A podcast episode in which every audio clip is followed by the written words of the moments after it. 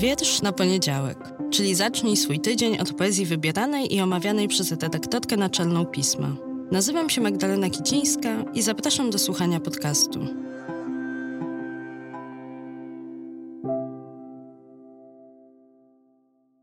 Partnerem podcastu jest wydawnictwo Warsztaty Kultury i festiwal Wschód Kultury Inne Brzmienia.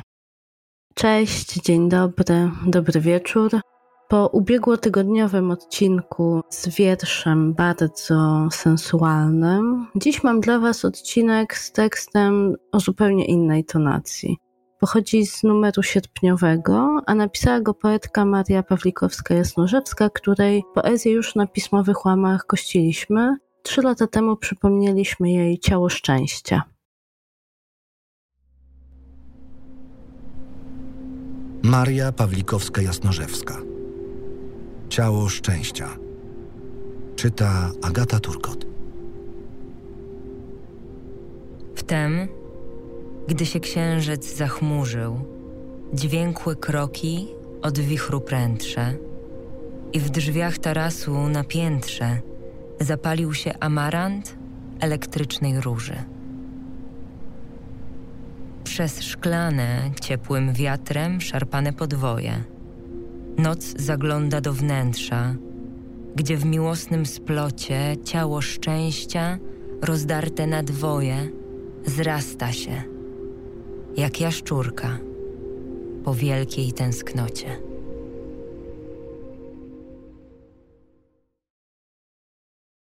A w wierszu, o którym dzisiaj ciało, a w zasadzie ciała też się pojawiają, jest to jednak cielesność pozaludzka przede wszystkim.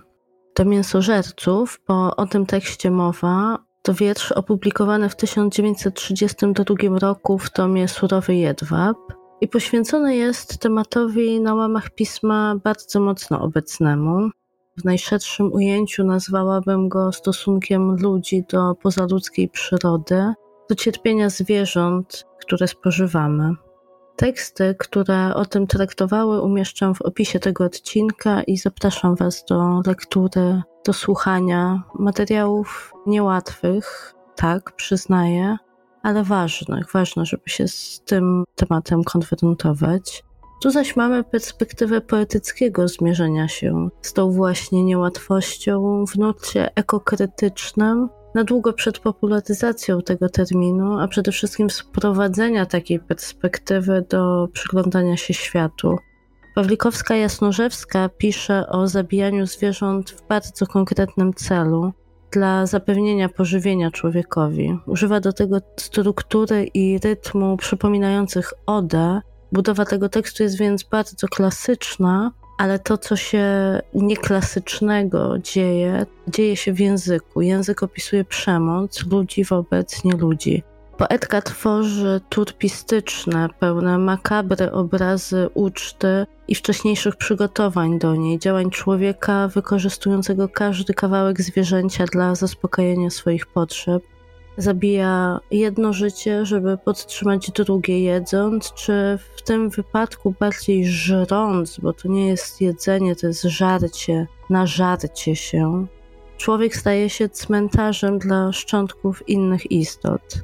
Mocny to jest wiersz, ale chyba taka właśnie powinna być ta konfrontacja, pozbawiona złudzeń i uładzeń, oddzielających nas od istoty działań, które jako mięsożercy wykonujemy.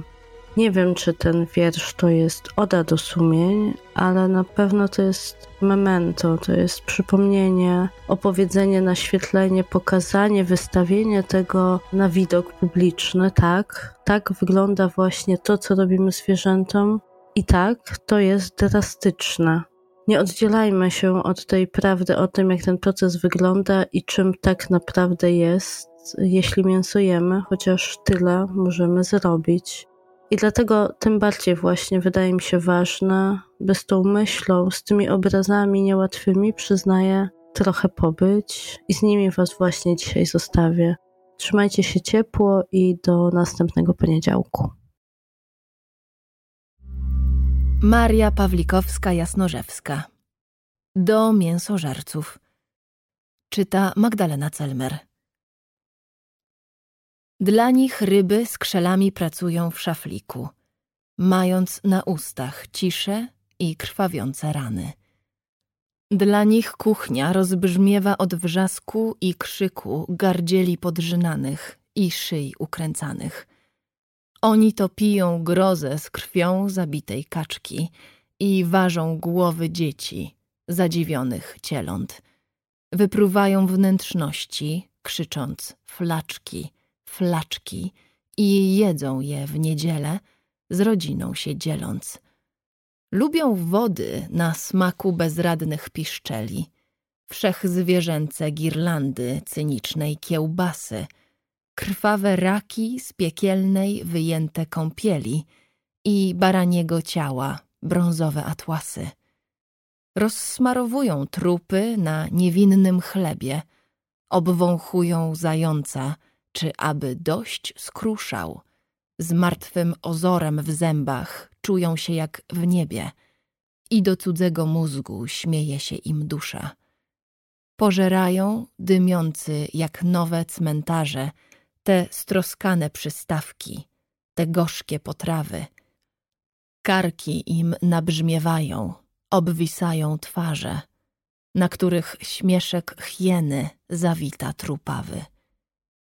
Po pięknookiej sarnie nie noszą żałoby, ale żrą ją na stypie w dzień pogrzebu radcy i zezują miłośnie do gęsiej wątroby, bujni brzuchem jedynie, a łysiną gładcy, a twardzi tylko sercem i w całej stolicy głośni, ale mlaskaniem, smętni niesiadnicy.